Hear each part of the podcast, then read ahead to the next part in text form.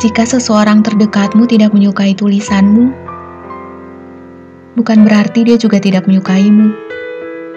Mungkin saja tulisanmu memang bukan seleranya, tetapi dia tetap bangga memiliki seorang sepertimu.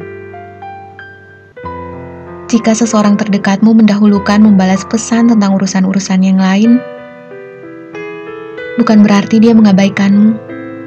Dia hanya percaya bahwa kamu pasti mengerti dan paling tahu keadaannya.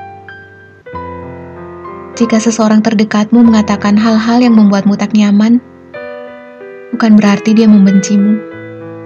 Bukan berarti dia ingin menyakitimu. Dia hanya sedang merawat dirinya dan juga dirimu. Jika seseorang terdekatmu melarangmu untuk selalu mengeluh padanya, bukan berarti dia tidak peduli pada masalahmu.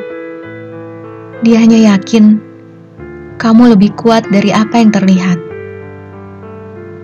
Ada banyak sekali cara memberi perhatian. Ada banyak pula cara untuk menerima perhatian. Merasalah diperhatikan. Sebab bagaimana kita menerima sebuah perasaan sering kali menjadi bagaimana perasaan itu sejatinya diberikan.